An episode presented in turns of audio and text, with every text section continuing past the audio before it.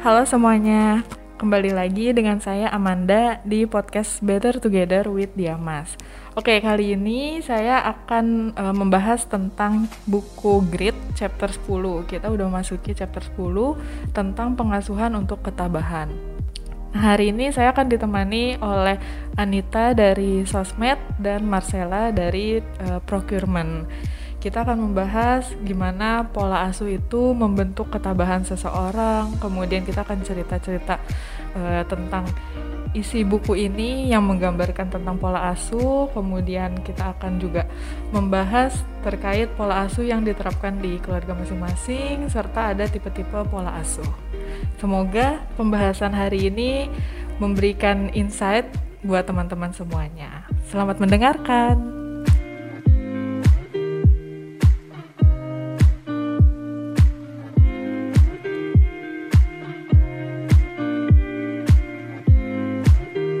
Oke, halo Anita. Halo. Halo Sela. Halo. Oke, uh, hari ini kita mau ngobrol-ngobrol ya. Uh, untuk sekarang nih kita bukunya udah masuk ke chapter 10 ya. Iya panjang ya. udah chapter 10 nih. Sekarang tentang pengasuhan untuk ketabahan. Mm -mm. Maksudnya apa sih pengasuhan untuk ketabahan tuh?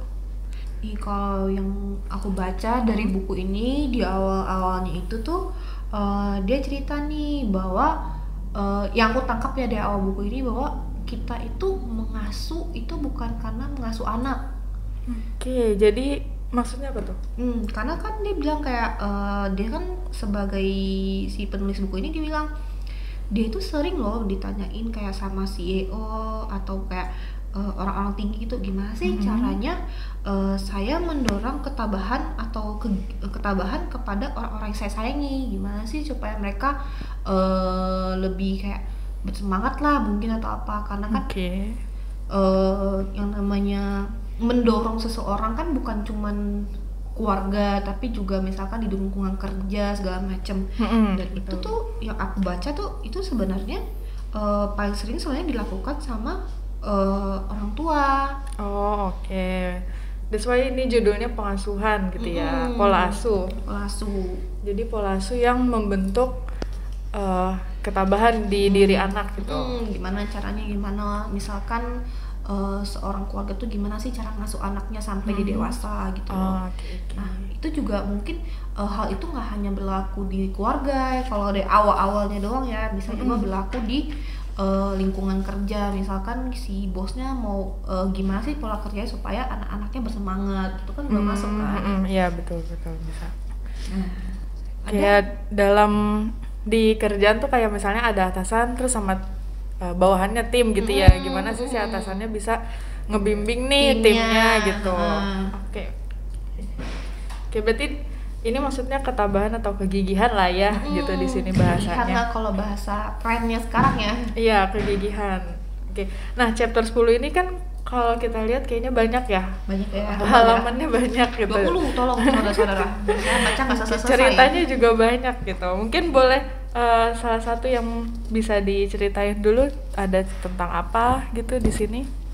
Uh, di sini ada cerita tentang Steve. Mm -hmm yang menggambarkan dia seorang anak yang bernama Steve yang dikenal bintang tim football sekolahnya. Tapi pelatihnya menurunkannya ke sebuah unit yang terdiri dari pemain belakang yang paling tidak berharga peran utamanya. Saat itu ia uh, dia itu kan punya ayah yang biasanya itu apa sih bisa Keras. dibilang tuh bisa dibilang kayak gitu. Keras Terus lah. dia hmm. ya di sekolah tuh dia lebih apa ya?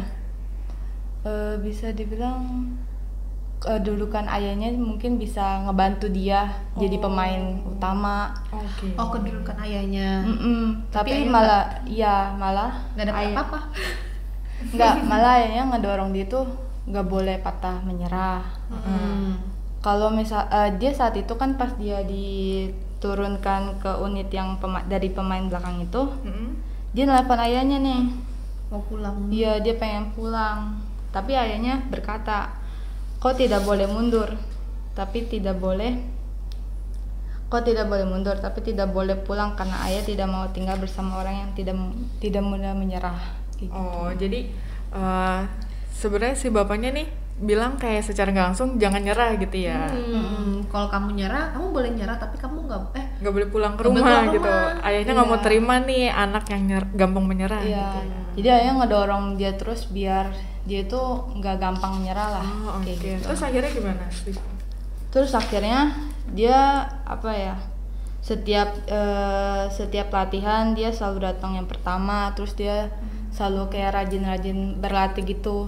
oh setelah bapaknya bilang gitu dia Iya, malah dia- jadi Iya, makin makin rajin lah. rajin makin rajin. karena ya kalau pulang mau berhenti cuma nggak ada rumah iya mau gimana lagi ya Iya, mau nggak mau oke terus terus ya. Sampai eh, tahun terakhir itu Stem- eh, Steve itu menerima eh, menjadi peran utama. Eh, jadi sebagai pemain gelandang paling berprestasi. oh justru dia malah makin bagus ya Iya. malah Gara-gara berprestasi dia selalu ingat ayahnya ketika dia kayak pengen mundur, tapi dia selalu ingat kalau kita tuh nggak boleh gampang menyerah. Hmm, gitu sih. oke. Jadi justru malah didikan yang keras itu ya, yang bikin dia maju terus, nggak nyerah. Mm-mm.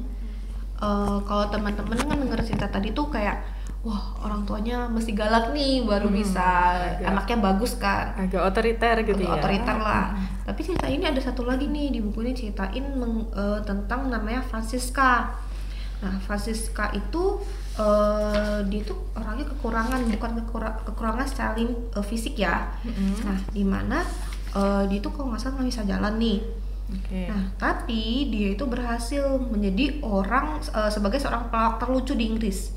Yang penontonnya banyak banget nih, teman-teman. Nah, tapi eh, dia juga bukan langsung jadi bisa kayak gini. Mm-mm. Dia bilang bahwa eh, dia tuh dia tuh di- dibebaskan oleh orang tuanya memilih gitu loh. Hmm. Memilih dia mau bagaimana. Misalkan waktu dia umur 16 ya kalau nggak salah, dia itu keluar dari sekolahnya Oh dia berhenti sekolah. berhenti sekolah bilang mama mah saya mau mau sekolah nih. Berhenti sekolah orang tuanya ngasih. Gitu loh. Kenapa? Kan orang tuanya dengerin dulu. Ternyata si orang tuanya ini nih bilang bahwa eh, boleh kamu berhenti sekolah tapi misalkan eh, intinya tuh orang tuanya memper- memberikan memberikan kebebasan kepada anaknya. Tak eh, sebebas-bebasnya dia. Tapi ada hal-hal yang dia nggak boleh juga yang harus dikerjain nih misalkan kayak dia kan sempat lumpuh tuh. Orang tuanya tuh eh, bapaknya atau ibu tuh maksa banget tuh kayak kamu tuh harus ikut eh, apa sih ikut eh, terapi ini nih. Oh, ha-ha, ha-ha. sampai dia itu eh, berantem banget sama orang tuanya nih. Tapi akhirnya dia mau ikut ikut kan? Karena menurut orang tuanya eh, itu sesuatu yang kamu butuhkan. Kamu harus lakuin itu. Untuk kalau kesehatan nih dia. Heeh. akhirnya mau gak mau dikerjain sama dia nih Eh, dia tuh pokoknya ikut nih eh, keluar dari kampus ya segala macem terus kayak eh, berhasil karena banyak ya gak cuma dia bertanggung jawab lah atas pilihannya dia gitu loh Oke jadi dia udah putus sekolah gitu Mm-mm. kan, terus dia uh, fokus jadi pelawak gitu, Mm-mm. ngikutin emang dia impiannya mau jadi pelawak gitu. Mm-mm. Nah, eh, di sini juga si penulisnya itu tuh ngewawancarain orang tuanya si Francisca nih, yaitu Tina sama Alex. Nah, eh, intinya tuh Tina sama Alex tuh si bapaknya Alexnya bilang kayak ikutin aja impian kamu, ibunya juga ibu akan menyemangati kamu. Jadi tuh keluarga si Francisca tuh support Suportif banget nih, ya, Heeh, suportif. Nah, eh, kemudian juga eh, kok banyak sih kayak Tina Jadi- eh, juga Hmm, berpendapat bahwa selama ini saya memiliki, perasaan naluriah bahwa kehidupan dan alam eh, berevolusi Jadi kalau dilihat dari ceritanya si Francisca ini berarti pola asuh si orang tuanya ya Mm-mm. Alex sama Tina itu Mm-mm. lebih ngasih eh, lebih Support. kebebasan ya, Nah, lebih lebih luas support. gitu, nggak kasih tekanan dan justru malah mendukung mendukung mendukung pilihan si anaknya. Mm-mm, Kayak jadi gitu. kayak mendukung pilihan anak tapi dia Mm-mm. juga memberi arahan gitu loh nggak Oke. cuman kayak oh kamu harus aku bebasin kamu nih bebas bebas Mm-mm. bebas nggak bebas doang dia juga memberi arahan gitu loh kayak ada target lah gitu. Oh, ada oke. ada ekspektasi kalau di buku ini atau apa sih nama bacanya dulu Eh, menuntut dia menuntut sesuatu juga ada iya ada tujuannya ada, targetnya tujuannya gitu ya. misalkan kayak untuk kebaikan anaknya dia menuntut kayak oh kamu harus nih ikut ini Oh, yang kamu terapi tadi terapi ya. itu karena kan mungkin anaknya juga sifat siswa juga nggak mau karena sakit kan terapi itu mm-mm, mm-mm. tapi kan orang tuanya tahu bahwa oh kamu harus gitu loh hmm. Oke. Nah, unik nih. Kalau yang kayak gini kan orang tuanya berarti lebih eh, ngelepasin lah anaknya Hmm. mau milih apa gitu jalan sesuai dengan pilihan mereka sendiri. Hmm. Nah, aku mau tanya nih kalau misalnya Sela, menurut kamu tipe pola asuh yang kayak gini tuh ada kurangnya nggak sih atau dampaknya gimana sih? Kalau misalnya kita ngebebasin anak gitu. Hmm, ada sisi positif sama negatifnya sih ya. Apa Kalau misalkan kita ngebebasin anak, mungkin anak juga lebih bebas, lelu- leluasa lebih ngelakuin apa aja. Mm-mm. Terus biasanya kalau misalkan dia terlalu dituntut gitu kan, pasti anak tuh bohong, suka bohong Hmm. gitu kan, banyak bohongnya. Terus nggak, jadi nanti Kebiasaan ini ini kamu Pengalaman pengalaman atau pribadi ya kalau dituntut orang tua tuh kerjaannya bohong aja biar selesai aja. kan terlalu tertekan ya Iya, kalau misalkan tertekan. anak selalu oh maunya kayak gini jadi Mm-mm. nanti kalau udah gedenya eh, pasti itu cuma sesuai ekspektasi orang tuanya aja nggak sesuai kitanya Oh, gitu oke. sih. Jadi malah eh, maksudnya dia jalannya ya sesuai dengan yang orang tuanya Iya. harus gini harus gini harus gini gitu. Iya dia maunya mimpinya ini malah ngikutin orang ngikutin tuanya orang tua yang nggak berkembang. Mm-mm, gitu ya. bisa gitu Oke, oke. Kalau menurut Anita gimana? Tergantung sih. Jadi kayak eh, kayak di buku ini dia tulisin juga kayak tipe ada kayak tau gak sih kalau yang pokoknya itu garis empat kayak Kuadran kayak kuadran gitu ya. kuadran gitu kan. Yang di atas tuh mendukung lawannya tentu tidak mendukung kan. Yang kirinya itu eh, eh yang kirinya itu tidak mendung, eh, menuntut. Tentu lawannya menuntut dong. Nah, di sini tuh kayak ditulisin orang tua itu kalau misalkan tidak mendukung tapi tidak menuntut juga kayak berarti kan anaknya diacukan gitu loh. Hmm, Ada jadi kan?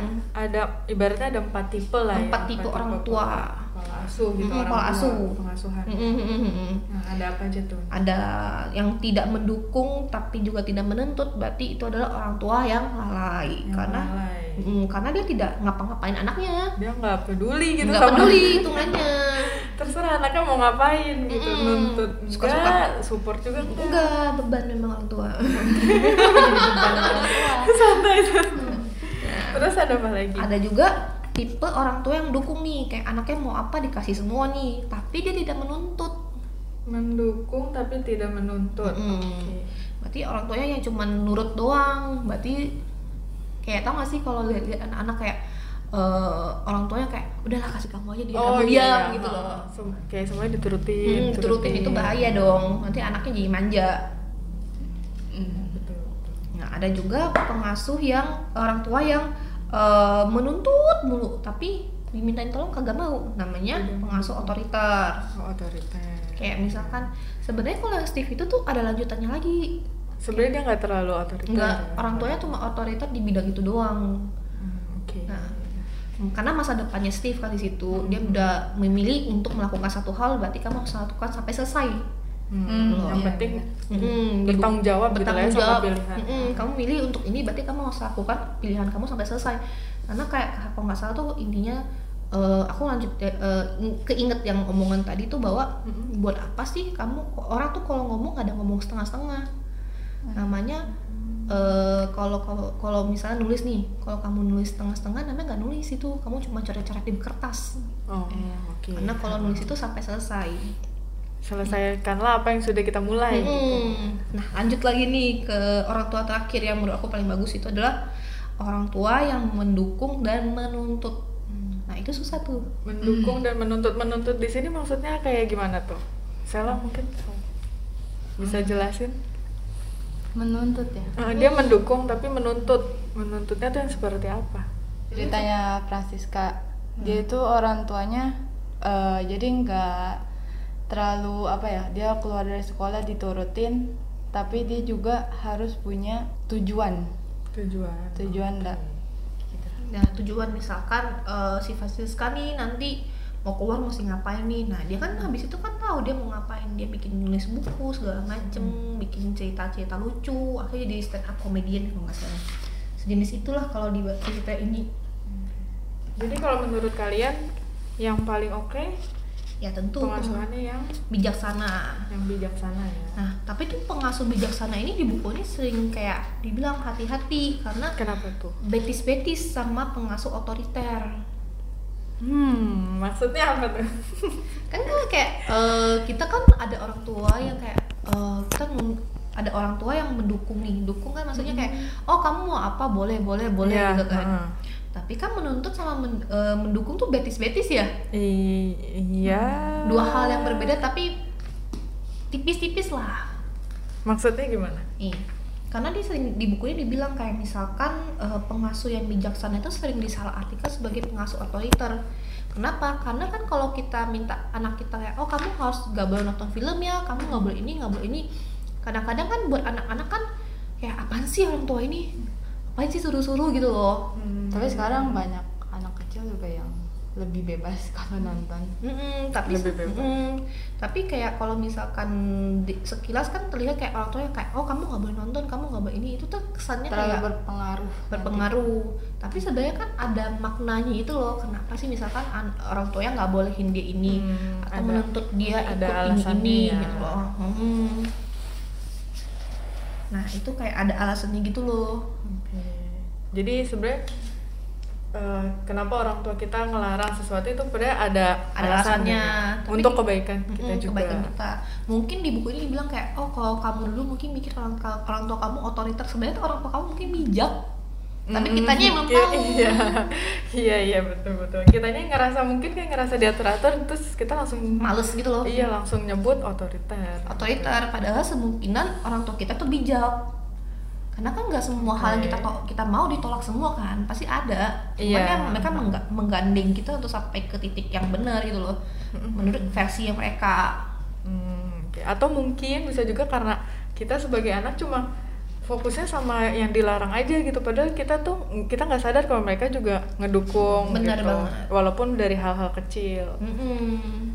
nah dan di buku ini juga diceritain bahwa eh, misalkan nih kalau kamu ngelihat nih eh, dia kan wawancara banyak orang orang-orang yang sukses Mm-mm. orang-orang yang berhasil kan di buku ini Iya Nah, diceritakan bahwa semua rata-rata orang yang sukses ini nih eh, akan sangat merespek dan menghargai orang tuanya. orang sukses orang yang sangat menghargai orang tuanya Eh, eh, kenapa? Karena Kenapa? ternyata orang-orang sukses ini tuh orang-orang yang eh, kayak eh, ngemandang orang tua kamu tuh orang eh, ngemandang kayak oh orang tua aku tuh bijak ya ternyata. Karena nanti mereka akan meniru orang tuanya, meniru dan lebih baik kalau yang sukses ya, yang Hmm, benar orang tuanya oke. benar misalkan kayak orang tuanya eh, di sini ditulis kayak orang tua aku tuh apa aja sih gitu loh. Kalau orang tua aku udah memenuhi ini berarti orang tuaku sebenarnya orang tua bijak. Mm-mm. Orang tua bijak tuh pasti rata-rata kan menghasilkan anak-anak yang sukses Oke. karena dia tahu bagaimana eh, dia menuntut anak ini tapi juga mendukung gitu loh itu kan dua hal yang yang susah tuh sebenarnya Mm-mm. Berarti berarti eh, kalian setuju nggak kalau anak itu berarti ya hasil ibaratnya hasil create hasil bentukan Mm-mm. dari pola asuh orang Iya dong, tuanya iya dong. seperti apa? ya dong kenapa karena kan kalau anak lahir yang ngajarin bahasa anak itu bahasa dari awal ngomong aja kan ngopi kita kan ngopi orang tua kan Mm-mm. makan aja ngopi orang tua berarti kan anak ini kelihatan hari eh, dari perbuatan kita cara asuhnya kita Tapi kan ada lingkungan sekitar, teman-teman, sekolah gitu. Kalau Sela gimana? Menurut kamu gimana? Berapa besar sih pengaruh dari pola asuh orang tua tuh ngebentuk diri kita? Pengaruh lah ya. Kan Kalau- namanya orang tua kan ngajarin kita pasti hal-hal yang baik. Mm-mm.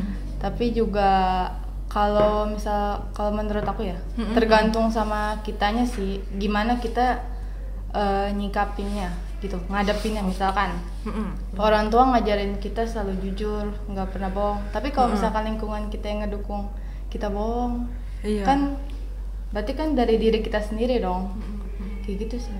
Jadi sebenarnya kayak basic-basicnya tuh orang tua udah ngajarin. basicnya orang tua udah ngajarin tapi kan juga kalau orang tua yang bijak di buku ini orang tua orang tua yang bijak di buku ini orang tua ini tuh bakal eh, tahu nih anaknya kayak apa karena dia mendengarkan dan m- mendengarkan dan memerhatikan anaknya Oke. Kayak misalkan oh anaknya tuh misalkan oh kenapa anaknya tiba-tiba nggak mau sekolah apa karena Hmm. anaknya itu eh, takut dengan sendiri atau takut dengan lingkungan baru Hmm. orang tua yang bijak tuh bakal tahu anak-anaknya kayak apa Hmm.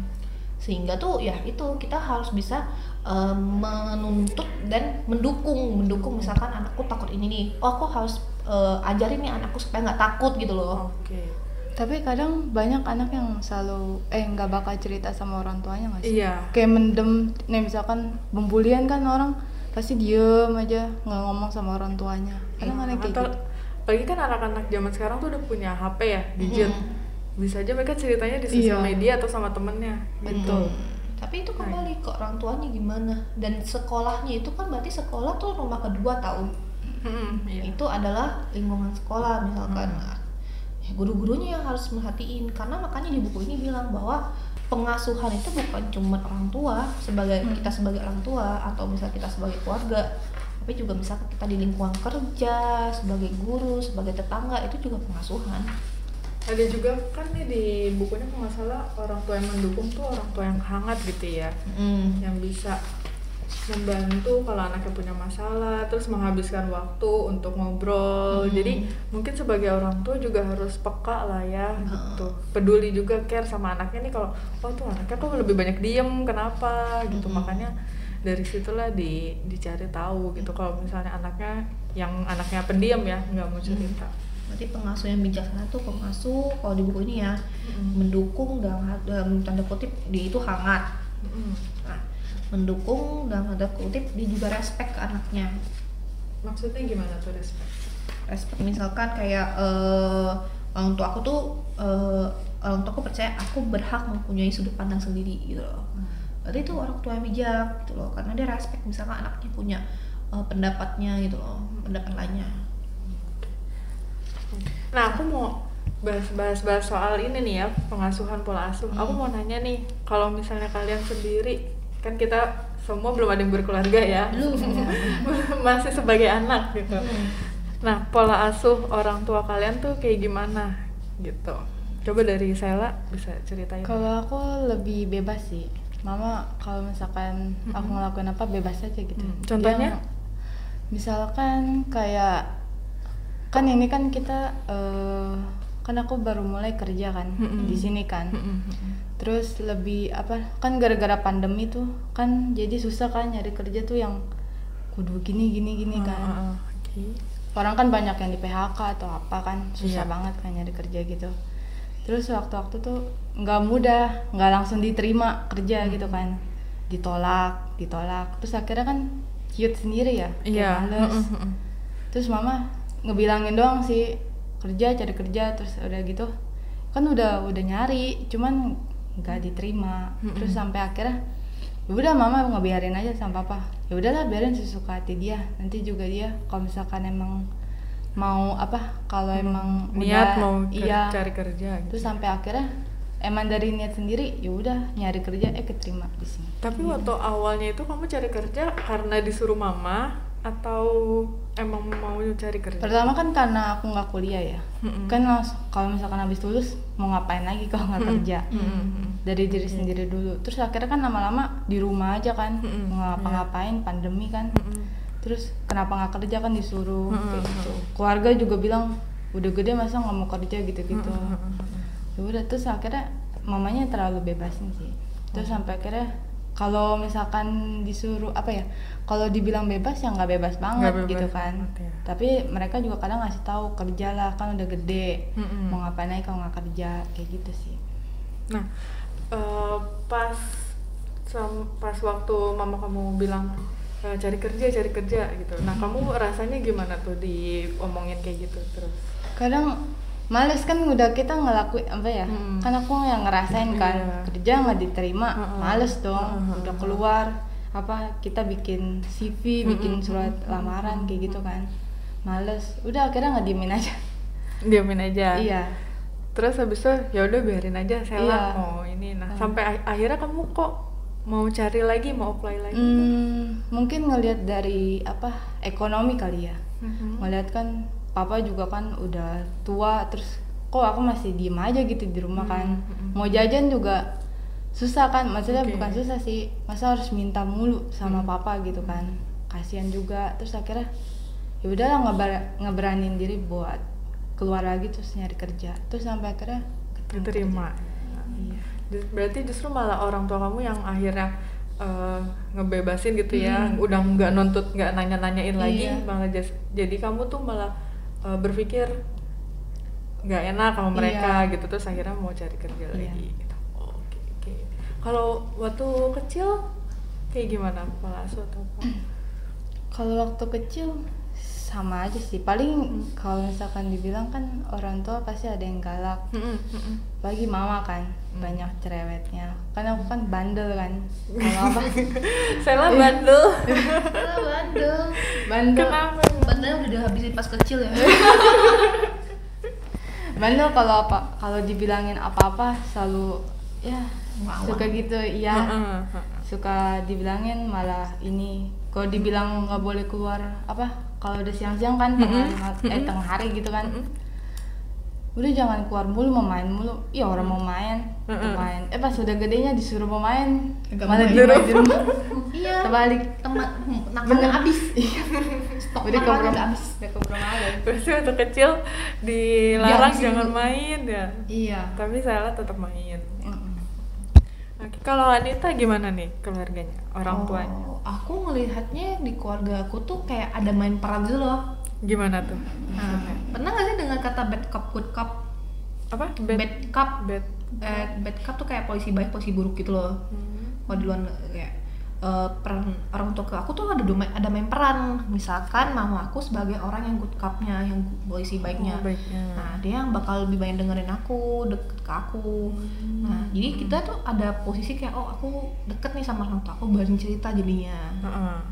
ada yang good eh, bad copnya itu papa aku yang galak. Oh, Oke. jadi main peran jadi itu orang tua aku yang papa aku yang galak jadi kalau ada apa-apa mama aku bilang kamu nakal kok kapan papa ya kamu ya. Nah, jadi kan kita kan takut nih Iya, iya. tapi kita tetap banyak cerita ke mama kita karena mama kita mama aku tuh yang eh, oh oke oke kamu gini gini gini Yang tenangin, tenangin ya. gitu loh nanti kalau aku marah-marah udah tenang tenang oh, berarti kan kunci tapi mama Balance ya, berarti ada yang Balance. galaknya, ada yang nenanginnya. Nah, kalau kan kata ka- kamu papa kamu galak, terus berpengaruh nggak sama? Pengaruh dong kalau misalnya dulu aku berantem sama adik aku tuh ancaman mamaku cuma satu kelaparan papa kamu. Padahal papa nggak nggak galak-galak banget tapi emang sih zaman dulu pastilah kalau angkatan kita masih dipukul kan. Keras. Iya, Keras, keras, keras, keras. keras. Heeh. nah dipukul kan. Tapi papaku juga eh, dia juga tahu batasannya. Heeh. karena aku pernah sekali dipukul terus aku kayak kepukul urat kan. Aku Hmm. habis itu nggak pernah dipukul lagi. Sama sekali nggak pernah dipukul lagi sekarang kalau digalak tetap tapi kita tahu bahwa papa kita galak. Hmm. jadi kayak udah takut gitu loh. Kalau dibilang nanti laporin papa ya. Udah. Udah. Diem. Tapi kalau misalnya kayak Mm-mm. yang menentukan sesuatu nih di hidup kamu kayak misalnya milih sekolah atau mau kuliah atau mau ngapain lah gitu. Ada nggak sih orang tua tuh berpengaruh atau yaudah kamu mau maunya A ya udah A iya. gitu. Papa kalau papa mama aku tuh lebih ke attitude sih biasanya galak eh, ngurus eh, nge- ngedidiknya attitude. Hmm, tapi kalau masalah kayak kamu mau ngapain mau ngapain dia nggak pernah pernah masalahin sih. Nggak ada intervensi apa Nggak apa gitu ikut campur apa. Cuman kayak nyaranin udah kamu ini aja. Tapi ujung-ujung pasti kamu nggak ngelakuin oh, kalau nggak dilakuin juga ya udah. Tapi itu kembali bahwa eh, mereka tuh bilang kayak ya udah kamu ini ya udah selesaiin sampai selesai gitu loh. Hmm. ngurusin sampai selesai. Misalkan dulu tuh mau kul sebenarnya ada sih kayak eh, yang suruh kuliah di Jakarta orang tua mereka nyaranin doang. Mm-mm. tapi yang ngelakuin kan yang milih juga aku. Iya. Nah itu akhirnya gimana? Iya mereka yang nyaranin doang kayak udah kamu kuliah di sini aja ada teman mama. Disuruh temenin misalnya ditemenin oh ke ke tem- ke sekolahnya ke mana yang untuk ngetes kan. Tapi kan ngejalannya juga aku. Nggak pernah nggak pernah. Aku anaknya nurut sih sebenarnya nurut. Nurut. Jadi aku nggak tahu sih. Biasa kan mereka ngomong ya udah. Mereka ngomong doang udah kuturutin sih biasanya. Oh berarti mama kamu itu bilang kamu seko- di Jakarta aja terus akhirnya kamu ke Jakarta? Hmm dia bilang kamu sekolah aja di Jakarta. Di. Jakarta tuh gini gini gini jadi tuh mereka kayak ngenyaranin. Nyaranin. sebenarnya lebih kayak lebih kayak oh kamu gini gini aja. Kamu kalau ke depannya gini gini bagus yang kita kan dengar udah gede juga udah dengar udah bisa dengar udah bisa ngolah gitu loh. Mm-mm. oh ya udah berarti oke bener juga sih kata mereka ya udah lakuin aja tuh Iya. Eh, dibantu juga kan bahwa eh, uang sekolah pasti dibayarin Mm-mm. hidup pasti dibayarin dan Iya, ada temen betul. juga kan terus akhirnya kamu sekolah hmm, kuliah di Jakarta Ad- eh, ada momen gak sih di hidup kamu yang kamu tuh struggle gitu sampai akhirnya eh, orang tua kamu mungkin bantu atau ada kasih nasihat atau apa? Hmm, pernah sih kayak eh, aku pernah gagal di kuliah gitu kan gagal Ber- kuliah di mana? di Jakarta, Jakarta. eh, Orang tua di Pontianak Pontianak. Hmm. Oke. Mm-mm. Jauh. jauh jauh saya ya. anak pa- rantau. Iya berarti Oh, kan rantau. rantau Terus di sini Jauh. tinggal sama siapa? kosan Oh, kosan. ntar semuanya tahu. Tuh, kalau di sini udah tahu semua Terus terus. nah waktu itu aku gagal di apa gitu kan sebenarnya kayak malu juga sih karena kan orang tua juga mikirnya oh aku dari sini udah eh bisa gagal apa deh aku lupa deh. Eh, intinya gagal terus tapi orang tua aku nggak pernah marah kalau aku gagal. Aku cerita kok ke mereka kayak aku gini mah aku gini. Sama nangis kan dan aku bilang udah udah nggak usah nangis nggak usah nangis nggak apa apa kok gitu loh. Hmm, oke. karena mereka ini eh, tahu bahwa eh, aku udah berusaha yang terbaik nih mm. tapi emang bukan waktunya Tapi kamu ada perasaan takut nggak mereka marah? takut ngomong ke mereka jarang takut gimana nih takut mana? maksudnya eh, takut mereka marah nih, misalnya gagal atau apa gitu, atau Hmm, takutnya mereka eh, reaksinya ng- nggak Nggak. nggak baik. enggak karena aku tahu sih keluarga aku kalau misalkan nggak pernah nggak kalau mereka tuh lebih kayak ya udah nggak apa-apa mereka tuh dukung Karena Karena- sering ngobrol juga ya. Hmm, karena menurut aku orang tua yang baik tuh du ini yang menurut aku benar bahwa Hmm. eh, mereka mendukung mau anak itu gagal berhasil tapi Iya, mereka dukung betul. dong Mm-mm. Ya. Justru itulah yang bikin anaknya tuh jadi semangat lagi Hmm. gitu, nggak malah ngedown. ngedown Nah, kalau kan kalian udah cerita nih orang tua kalian gimana. Kalau kalian nanti jadi orang tua, maunya kayak gimana? Mau Maunya kan? pola asuhnya tuh gimana ke anak? Aku sih ngelihatnya kayak Bebas. peran bebas ya kalau di- Bebas, Vela bebas. Ya, tapi kan benar di buku ini pasti kita bakal ngikutin orang tua kalau pola asuh Oh, eh, mencontoh gitu lah ya, Mencontoh. mencontoh mau secara eh, orang tua. mau nggak mau pasti nyontoh sih Hmm. Ada nggak em, pola asuh yang dari orang tua kamu yang nggak mau nanti kamu terapin ke anak? pukul sih pukul. Kalau Sela? Gak ada kayaknya. Soalnya bebas aja. Mereka nggak terlalu ini. Kalau pukul paling mama, mama doang sih. Hmm, nggak terlalu banyak ngatur-ngatur ya di Gak hidup terlalu, ya. karena udah tahu akunya kayak gitu capek mungkin mereka. Iya, betul sih betul. nah kalian kebanyakan pas kecil melatih itu juga nggak sih kayak maksudnya anak tuh biar eh, bisa bertanggung jawab Mm-mm. gitu sama pilihannya sendiri bisa dewasa bisa ya cari jalan keluar lah buat urusan urusan Mm. dia oh iya tadi kan Anita bilang kalau misalnya pola asuh tuh nggak cuma di keluarga gitu ya Mm. bisa di lingkungan kerja misalnya Mm. contohnya atau lingkungan pertemanan kalau di dunia kerja nih ya bolehlah misalnya di Diamas atau mungkin kalau ada pengalaman sebelumnya ada nggak sih pengalaman pola asuh di dunia kerja gitu pengasuhan lah di dunia kerja Sela mungkin berarti pertama kali kerja di sini Iya. di Diamas nah gimana kalau?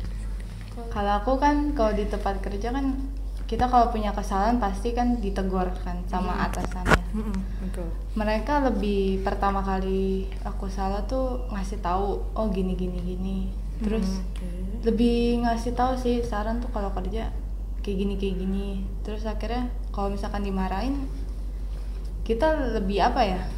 Ya udah dengerin mereka terus eh, lebih memperbaiki diri dari sebelumnya. Kayak gitu sih kalau. Hmm, kamu tuh tipe yang kalau dimarahin itu justru malah jadi motivasi kamu untuk lebih baik atau malah ih males banget gitu malah jadi ya dimarahin terus jadinya ngedown gitu Kalau aku lebih kan kalau misalkan kita dimarahin kan karena kita salah ya. Mm-mm, ya Kalau ngedown sih nggak terlalu sih. Soalnya karena aku salah. Mm-mm.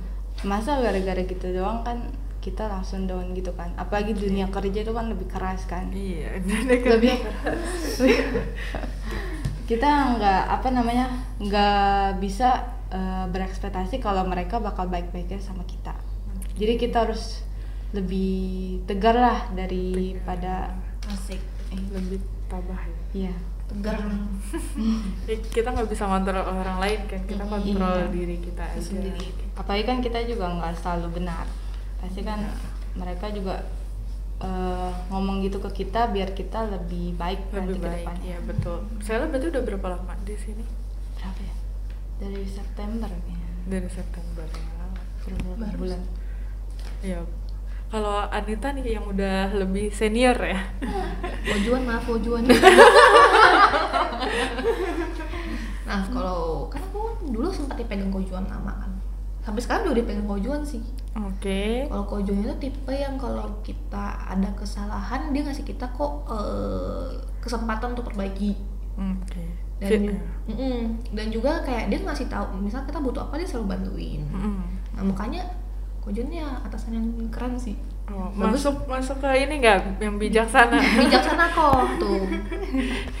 Berarti pola asuh yang ini ya? Bagus karena dia juga nge-support misalkan kita butuh bantuan apa kadang-kadang kan Kojuan bilang suka datang-datang kan kayak kamu butuh apa nih? Gitu loh. Hmm, ada yang hmm, kamu ya. butuhin nggak? Gitu kan.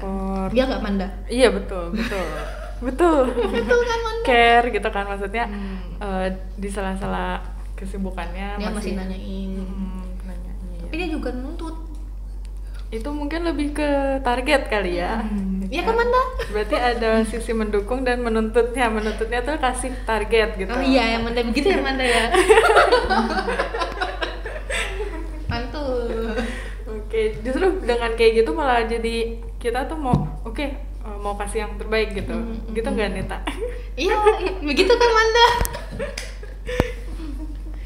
oke berarti udah bagus ya di sini ya gitu dari awal kasih feedback dulu gitu Mm-mm. terus kalau ada yang salah Dikasih tetap kesempatan. kasih kesempatan oke berarti di Diamas udah bagus ya oke kita kayaknya udah ngobrolnya udah lama ya intinya chapter 10 ini tentang Pengasuhan. pengasuhan gitu ya pola asuh yang Pola bisa asuh. eh, membentuk ketabahan atau kegigihan Hmm. gitu kan Karena kan pola asuh sekali lagi nggak cuma bisa nggak cuman di keluarga doang kan, betul tapi juga bisa di eh, lingkungan kerja. Lingkungan kerja.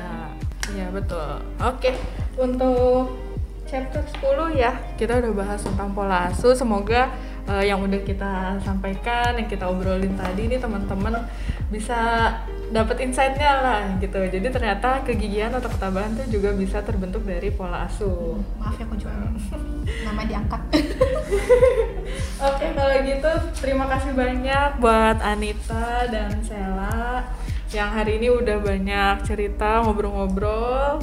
Eh, nanti kita lanjut lagi podcastnya chapter berikutnya ya gitu. Di chapter berikutnya ada tentang lapangan bermain untuk ketabahan. Maksudnya itu seperti apa? Nggak tahu. Nanti kita baru bahas lagi. Oke, kalau gitu selamat sore. Thank you Anita, thank you Sela, thank you teman-teman semuanya.